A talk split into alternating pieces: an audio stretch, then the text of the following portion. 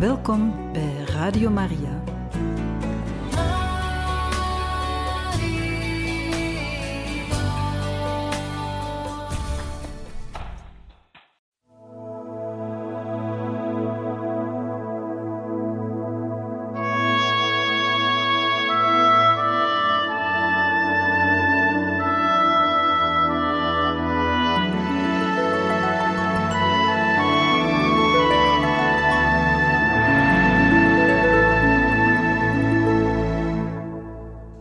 Beste luisteraars van Radio Maria, hartelijk welkom in dit programma Heilige Getuigen. Vorige keer zijn wij begonnen met een nieuw heilige leven, het leven van Ignatius van Loyola, geschreven door pater Jezuïet Raner. We gaan nu verder met hoofdstuk 7, maar ik ga eerst een klein stukje van hoofdstuk 6 herhalen, zodat u ongeveer kan weten waarover het gaat. In september 1517 kwam de jonge Karel V uit Vlaanderen naar Spanje over, om zijn erfenis in bezit te nemen. In februari 1518 kwamen in Valladolid de Cortés bijeen, met aan hun hoofd de zeven grandes van het Castiliaanse Rijk. Inigo behoorde ongetwijfeld tot het schitterend gevolg van de hertog van Najera. De hoge adel zwoer trouw aan de koning. Ook Inigo's broer, Martin Garcia de Loyola, was aanwezig en kreeg op 5 maart 1518, in naam van de koning en zijn moeder Johanna, verlof om zijn bezittingen in de Baskische provincie tot majoraat te verheffen.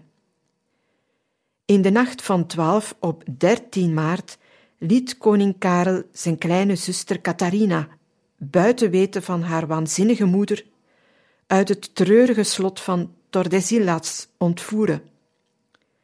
Sanderendaags had op het plein voor het koninklijk paleis in Valladolid het feestelijk toernooi plaats, dat Inigo's kleine aangebedene van op het balkon mocht bijwonen. Het was een hoogdag voor haar vereerder, bijna een vervulling van zijn Amadis-dromen. 25 ridderparen traden tegen elkaar in het krijt.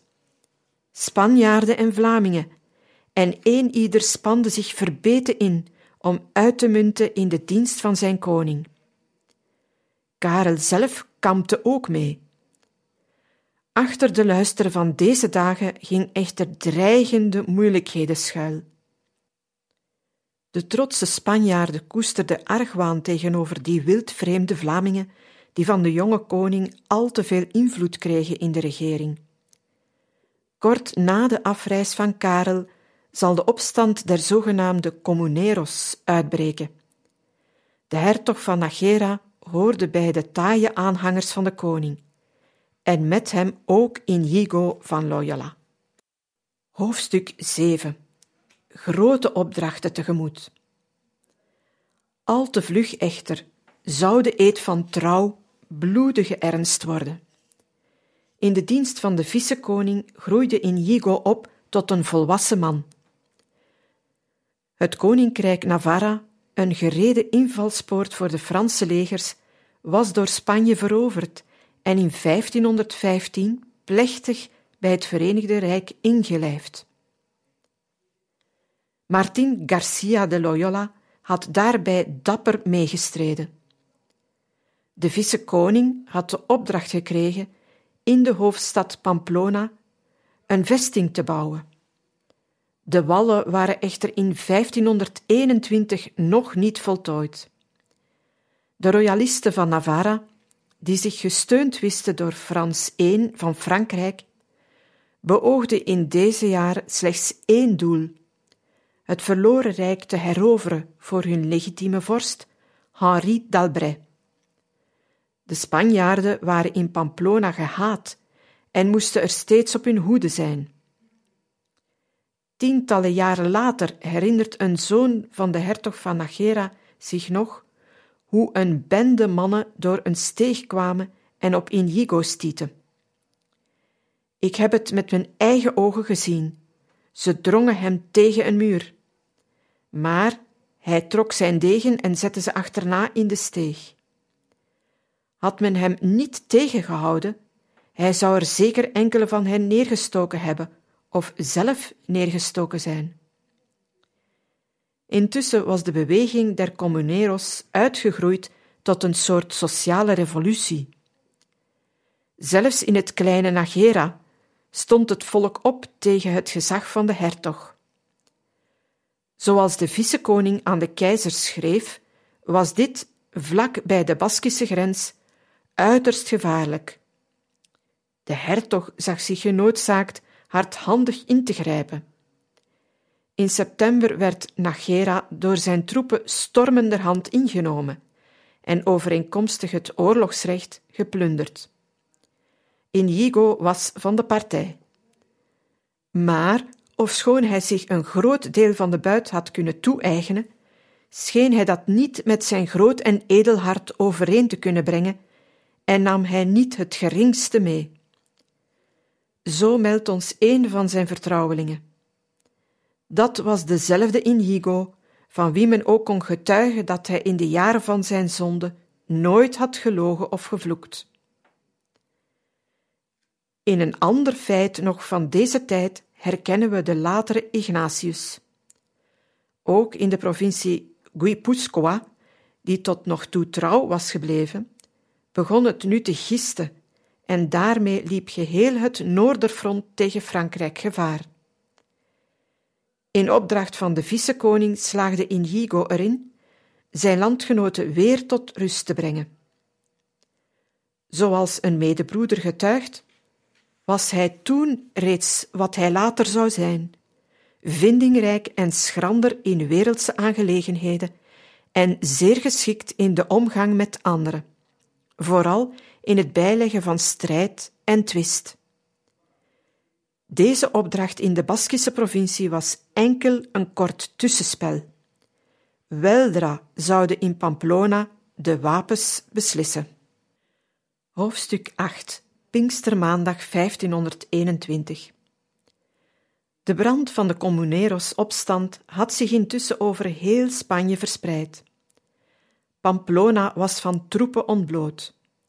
Wel had de slag bij de brug van Durana, waarin Higo aan deelnam in april 1521, de Baskische provincies tegen de opstandelingen beveiligd.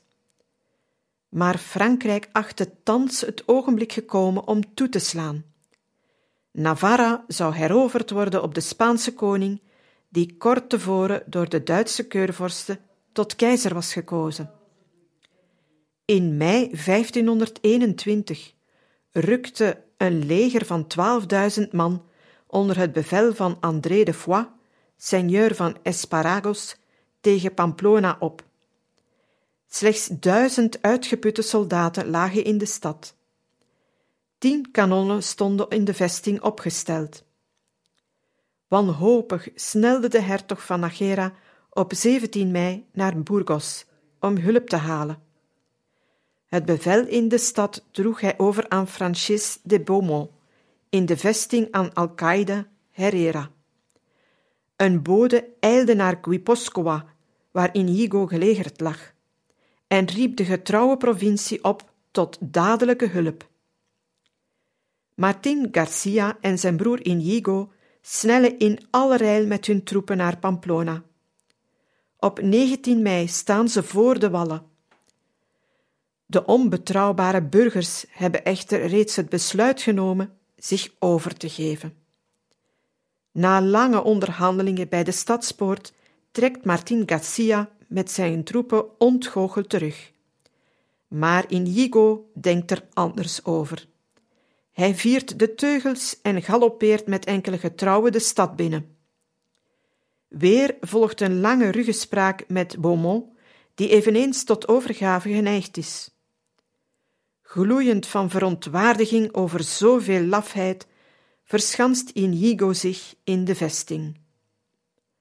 Op de avond van dezelfde dag rukt de Franse voorhoede de stad binnen. Sanderendaags volgt het gros van het leger. Herrera acht iedere weerstand zinloos. In de krijgsraad en in de onderhandelingen met de Fransen voert Inigo het woord. Hij ziet slechts één ding: verdedigen of sterven, en boven alles de eer. Herrera geeft toe. De aanval van de vijand begint.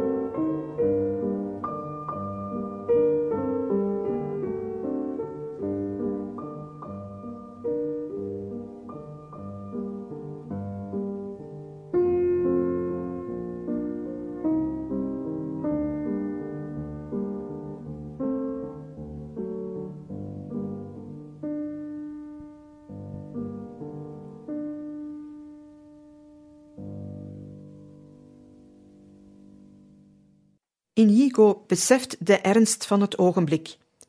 In de Mariakapel van de vesting biecht hij zijn vele zonden aan een wapenmakker. Een priester is er niet te bereiken.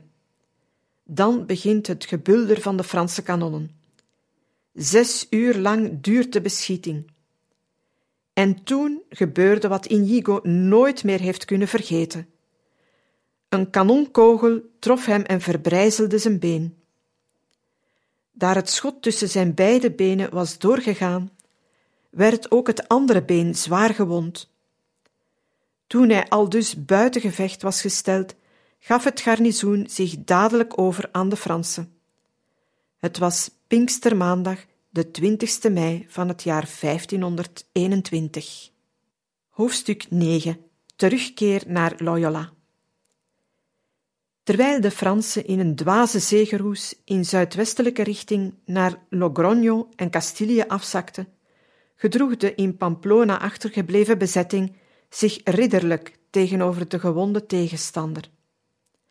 Uitdrukkelijk wordt vermeld dat de seigneur van Esparros met de dappere Loyola begaan was. Men zocht tot men hem gevonden had, bracht hem in veiligheid, omgaf hem met eerbewijzen.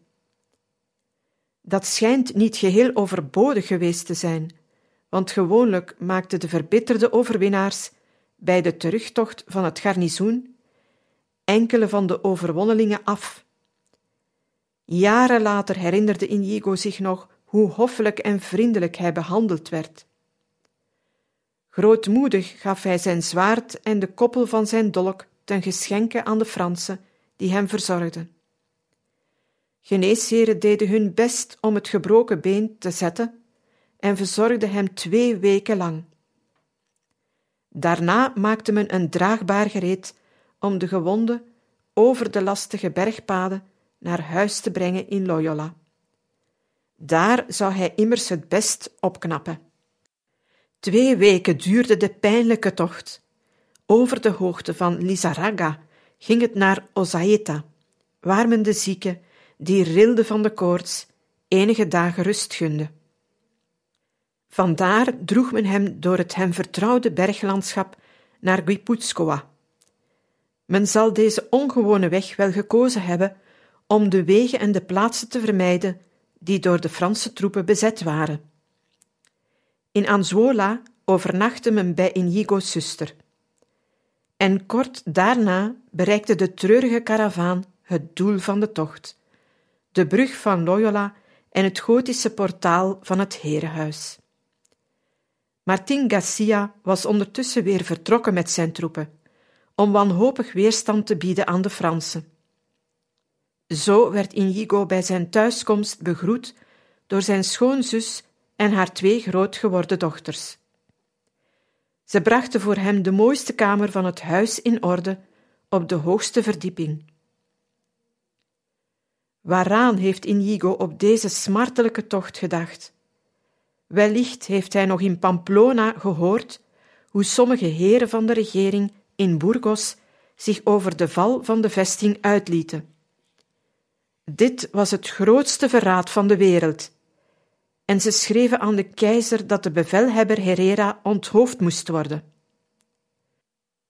Maar zelfs zoiets kon Inigo niet doen wankelen in zijn voornemen om zich verder steeds in de dienst van zijn koning te blijven onderscheiden. Vanaf het eerste ogenblik in Loyola was zij slechts door één verlangen bezield: weer gezond te zijn. Uit verschillende plaatsen van het land werden dan ook geneesheren en chirurgen ontboden.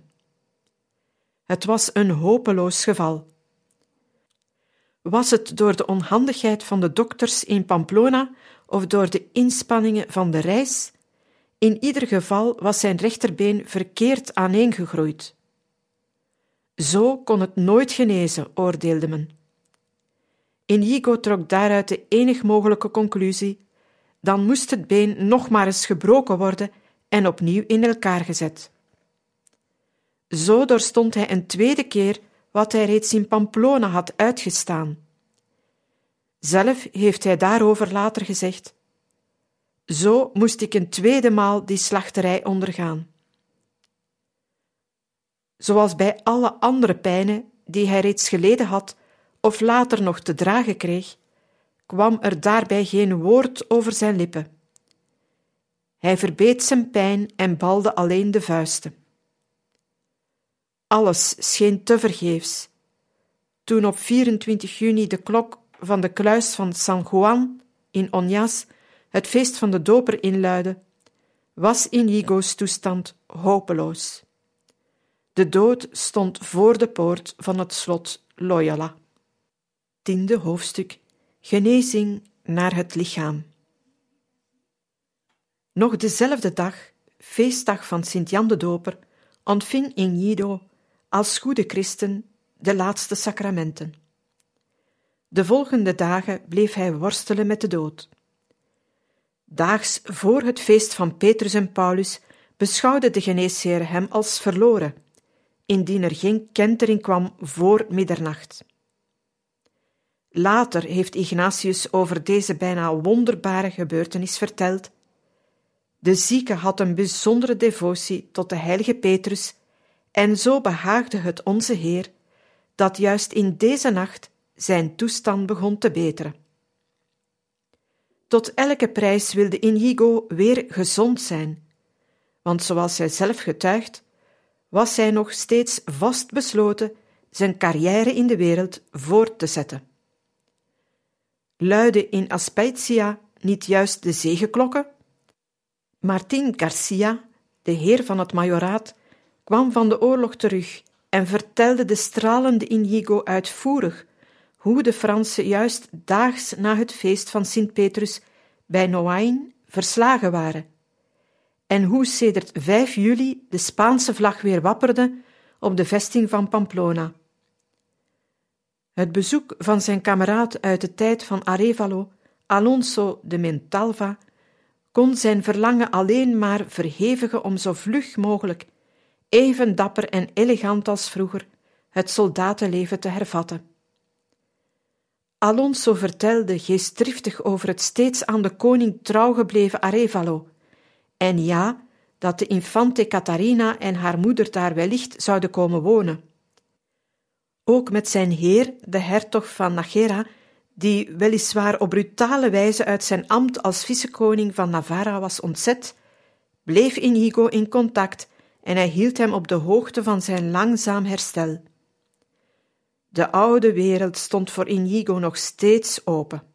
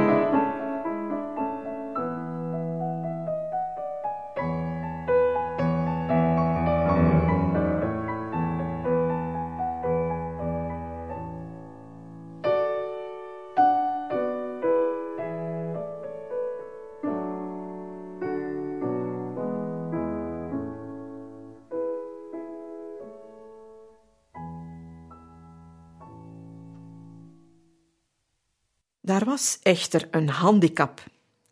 Toen zijn rechterbeen weer aaneengegroeid was, bleek het dat onder de knie het ene stuk over het andere geschoven was en lelijk naar buiten stak. Daardoor was het been verkort. Inigo was met ontzetting geslagen.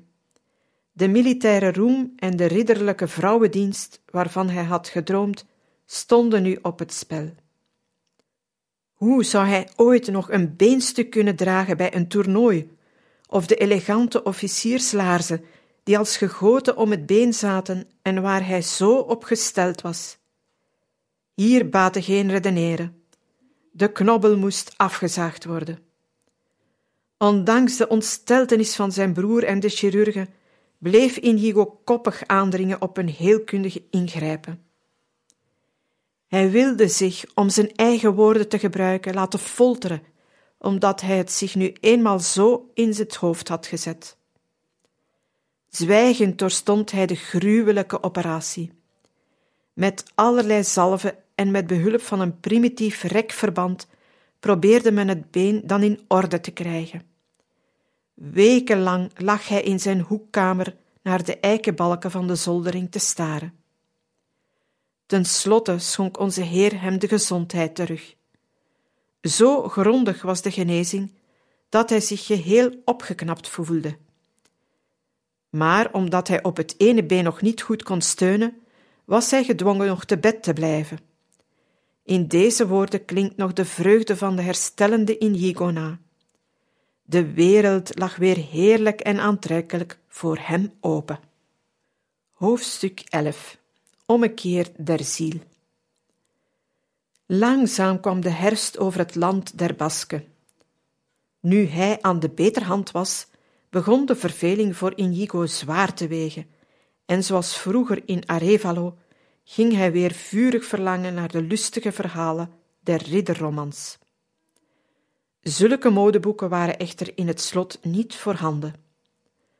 Al wat zijn vrome schoonzuster in haar kasten bijeen kon vinden, waren vier boekdelen in lederen band, waarin een Duitse kartuizer eens het leven van Christus beschreven had, en een lijvig boek vol heilige legenden. Maar ach, wat leest men al niet als men in een rekverband ligt? Aanvankelijk met tegenzin, dan met verwondering en tenslotte geboeid, bladerde Inigo in de folianten. Geruisloos benadert in deze uren de genade zijn ziekbed. Een nieuwe wereld gaat voor hem open. Hij leest over het ware koninkrijk Gods onder de banier van het kruis, over de heilige woestijn van Onofrius, over de Poverello van Assisi en over de nachtelijke zelfkastijdingen van Dominicus. Dit was waarachtig heel iets anders dan fraai gefatsoeneerde versen voor een geliefde dame. Dit was groter dan wapenfeiten in dienst van een keizer. Met zijn Baskische diepzinnigheid begint hij te tobben, urenlang. God en de wereld leveren binnen in hem een wonderbare strijd. Wat zou er gebeuren als ik ook eens deed wat de heilige Franciscus en wat Dominicus hebben gedaan? Maar dan laat hij zich weer meeslepen door zijn verlangen naar krijgsmanseer en galante vrouwendienst. In dit heen en weer bewegen van zijn ziel deed Inigo een van de meest beslissende ontdekkingen van zijn leven, die hij later zelf in een allerfijnste gemoedsanalyse heeft beschreven. Wanneer hij zich bezighield met wereldse gedachten, vond hij daar wel groot genoegen in, schrijft hij. Zodra hij echter moe geworden daarmee ophield, voelde hij zich dor en mistroostig. Wanneer hij integendeel de mogelijkheid overwoog om blootsvoets naar Jeruzalem te gaan en zich enkel met wilde kruiden te voeden en alle andere kastijdingen op zich te nemen, waarover hij bij de heilige gelezen had, dan ervoer hij niet alleen troost op het ogenblik zelf van die mijmeringen, maar ook nadien bleef hij tevreden en opgewekt. Zo kwam hij er langzaamaan toe het onderscheid te ontdekken tussen de verschillende geesten waardoor hij werd bewogen: de geest van God en de geest van de duivel. En dit was de eerste overweging die hij over goddelijke dingen deed. In dit nieuwe perspectief lijkt zijn vroeger leven hem nu ineens volkomen zinloos. En met onverbiddelijke strengheid neemt hij het ene, enige besluit: bloedig boete te doen, naar Jeruzalem op bedevaart te gaan, zoals hij bij Ludolf de Kartuizer heeft gelezen, en zich dan in een eenzame woestijn te begraven. Wel getuigt dit alles nog van een ongelouterde en teugelloze fantasie, maar toch gaat hierachter reeds de beslissende levenskeuze schuil, die van Inigo een heilige zal maken. Ommekeer der ziel heeft Ignatius deze weken op het slot van Loyola genoemd. Hoofdstuk 12 Verlangen naar eenzaamheid. De ommekeer die hier gebeurd is, grijpt Inigo aan in het diepst van zijn ziel en wekt daar wondere dingen. Hij wordt als het ware een Amadis van de Assese. Onweerstaanbaar voelt hij zich nu aangetrokken tot de eenzaamheid, waar hij zelfs in de drukte van zijn wereldse leven reeds heimelijk naar verlangd had. Als elegante jonker in Arevalo had hij eens een kwalijk riekende neusontsteking gehad. Het hele hofgezelschap had zich met walg van hem afgewend. Op dat ogenblik was hij, zoals hij vele jaren later zelf vertelt, gegrepen door het verlangen om in een woestijn te vluchten en zich in een ontoegankelijke eenzaamheid te verbergen. Nu is dit verlangen weer in hem gewekt, maar gelouterd tot een drang om de heilige ridders van Christus, waarover hij gelezen had, na te volgen, en om ook van kruiden te leven, zoals de heilige kluizenaar Onofrius in Egypte. In het boek werd van hem verhaald hoe hij de strijd aanbond tegen de vijand van de menselijke natuur. En daarbij deze prachtige woorden sprak: Mijn hart ontgloeit en mijn geest vlamt op, als ik alle lusten van deze wereld verzaak en mij met alle kracht overgeef aan God. Zo vergaat het thans ook Inigo. Hij wenst de geeseling en vaste op zich te nemen, zoveel als een grootmoedig, door God ontstoken hart maar verlangen kan. Zo wordt hij dan aangetrokken door de eenzaamheid van een Kartuizerklooster. Bij Sevilla ligt het over het hele avondland beroemde klooster de las Cuevas. Dat was ver genoeg om er zich te begraven. In het nabijgelegen Burgos kent Inigo nog van zijn vroegere reizen de prachtige grafkerk van de Castiliaanse koningen, in het klooster van Miraflores, waar strenge monniken een leven leiden van boete en gebed. S'nachts aanschouwt hij de sterren die fonkelen boven de bergen van Onyasmendi, en hij bidt.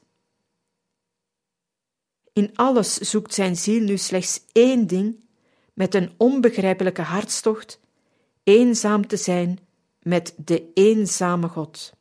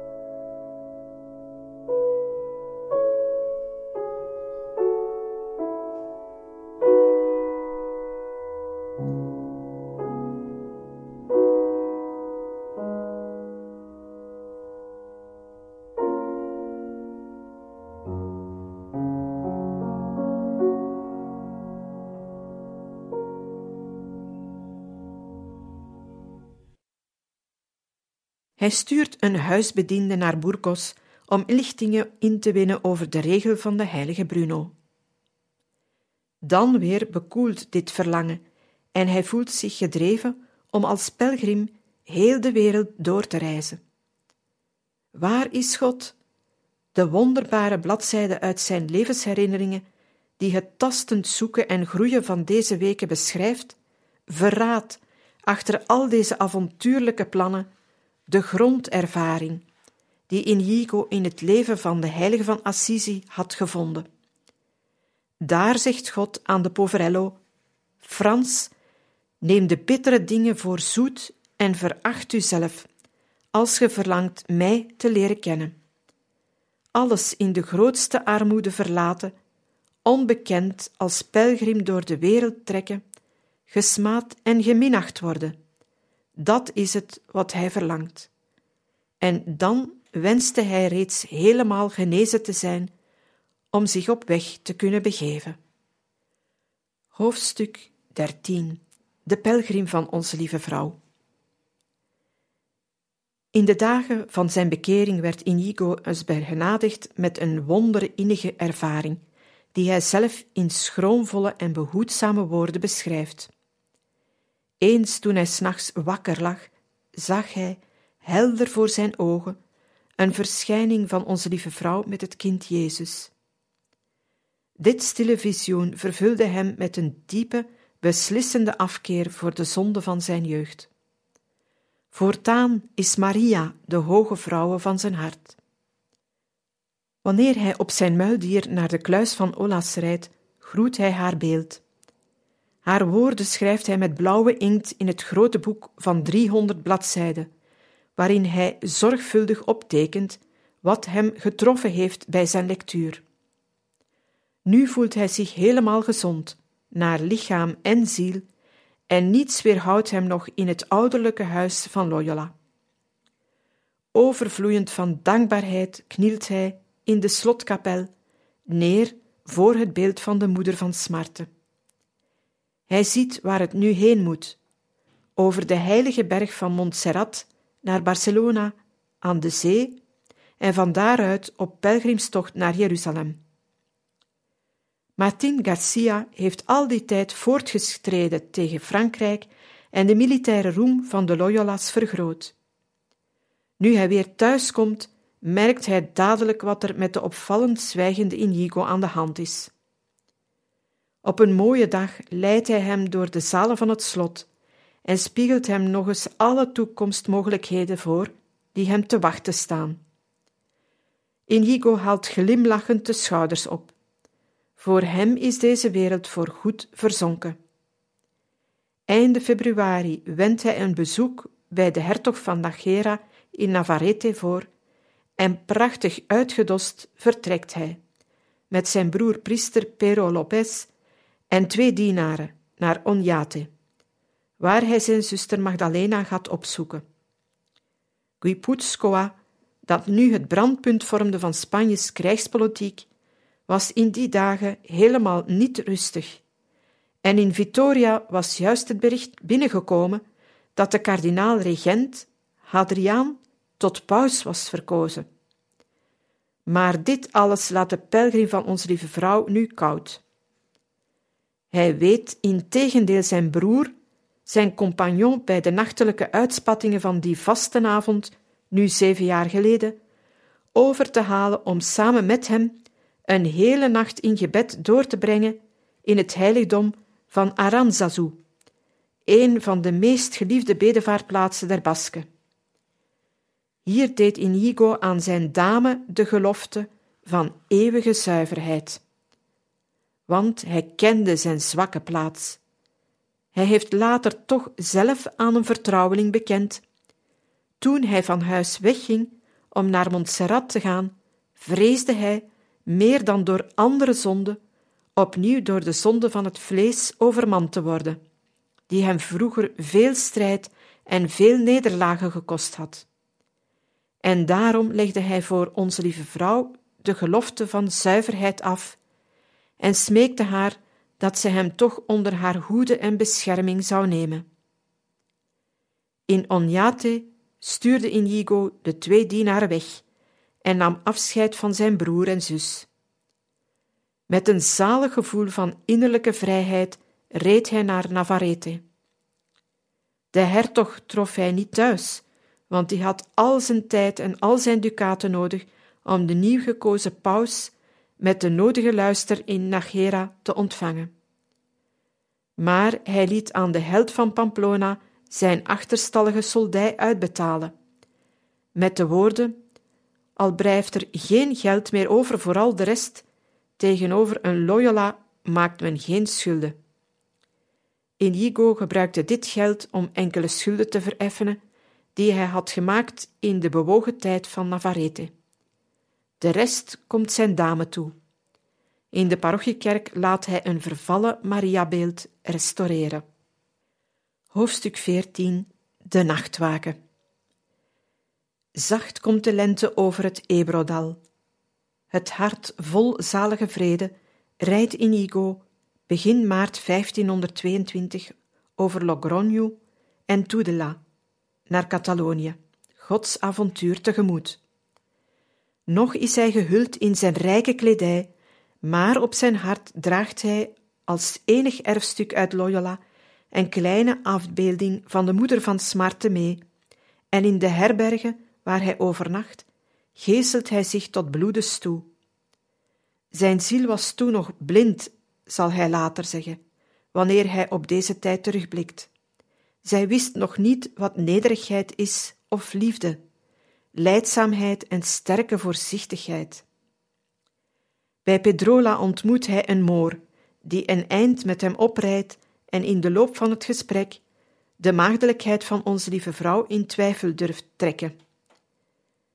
Inigo wil hem maar dadelijk op een paar vrome dolksteken trakteren. In Igualada, aan de voet van de Montserrat, doet hij zijn inkopen. Een grove hennepen zak, een gordelkoord, een pelgrimstaf, een kalabasfles en, om de nog steeds zere voeten te beschermen, sandalen van bast. De kostbare last stopt hij in zijn zadeltas. Dit zal zijn nieuw uniform zijn bij de nachtwaken voor Maria's beeld. Zo heeft hij het geleerd van prins Esplendian in de Amadis-roman. Weldra staat zijn muildier voor de poort van het beroemde bergklooster. Het is de 21ste maart. Hier wil Inigo nu voorgoed met het verleden breken en zijn pelgrimstocht naar Jeruzalem onder de hoede van zijn vrouwen stellen. De drie volgende dagen onderzoekt hij zijn geweten, zich daarbij bedienend van de biechtspiegels die voor de pelgrims gereed liggen. Schrijft ordelijk en uitvoerig al de zonden van zijn leven op en legt alles voor aan de vrome Benedictijnenmonnik Juan de Canones. Canones zal echter nog meer voor hem doen. Hij wordt zijn eerste leidsman op de weg van het geestelijk leven en stelt hem de Spaanse uitgave ter hand van de beroemde oefeningen van de abt Cisneros, die in de laatste decenniën de geest van Montserrat tot zijn hoogste bloei had opgevoerd. Inigo geeft zijn muildier ten geschenke aan het klooster. Zijn prachtige kleren gaat hij s'avonds in het donker aan een bedelaar brengen. Zijn zwaard en zijn dolk echter zijn voor de dame van zijn hart, wier alloude beeltenis mysterieus achter de ijzeren tralies van de genadekapel troont. De nachtwaken kan beginnen. Ter gelegenheid van het feest van Maria Boodschap zijn er duizenden pelgrims gekomen. Met een deemoedige trots treedt Inigo voor de eerste maal in zijn nieuwe kleding voor de zwarte Madonna. Niemand is er die hem nog kent. Aan de tralies heeft hij reeds zijn trouwe zwaard opgehangen als votiefgeschenk. De gouden lamp van keizer Karel flonkert. Talloze kaarsen omstralen het heilige beeld. Inigo knielt of staat in strakke houding, zoals het volgens het oude riddergebruik hoort. Rond middernacht zingen de monniken de metten, in de hermitages luiden de klokken, zoals eens in Loyola. Om twee uur begint de pelgrimsmis. De klare stemmen der knapen klinken op. Wees gegroet, o morgenster. En brandend van liefde ontvangt Inigo het lichaam van zijn Heer, die hij nu zijn leven lang wil dienen. In de ochtendschemering gaat de pelgrim naar het dal. Hij is nu een ridder van God geworden, naar de aloude plechtige ritus van de edelman, zoals later een zijner zonen zal zeggen. Over zijn hart staat de morgenster. In Manresa zal er de zon over opgaan. Beste luisteraars, we beëindigen hier deze lezing over het leven van de heilige Ignatius van Loyola. En we gaan volgende keer verder met hoofdstuk 15, De man in de zak. We hopen dat deze lezing u veel deugd heeft gedaan. We wensen u nog een gezegende avond toe en tot volgende keer.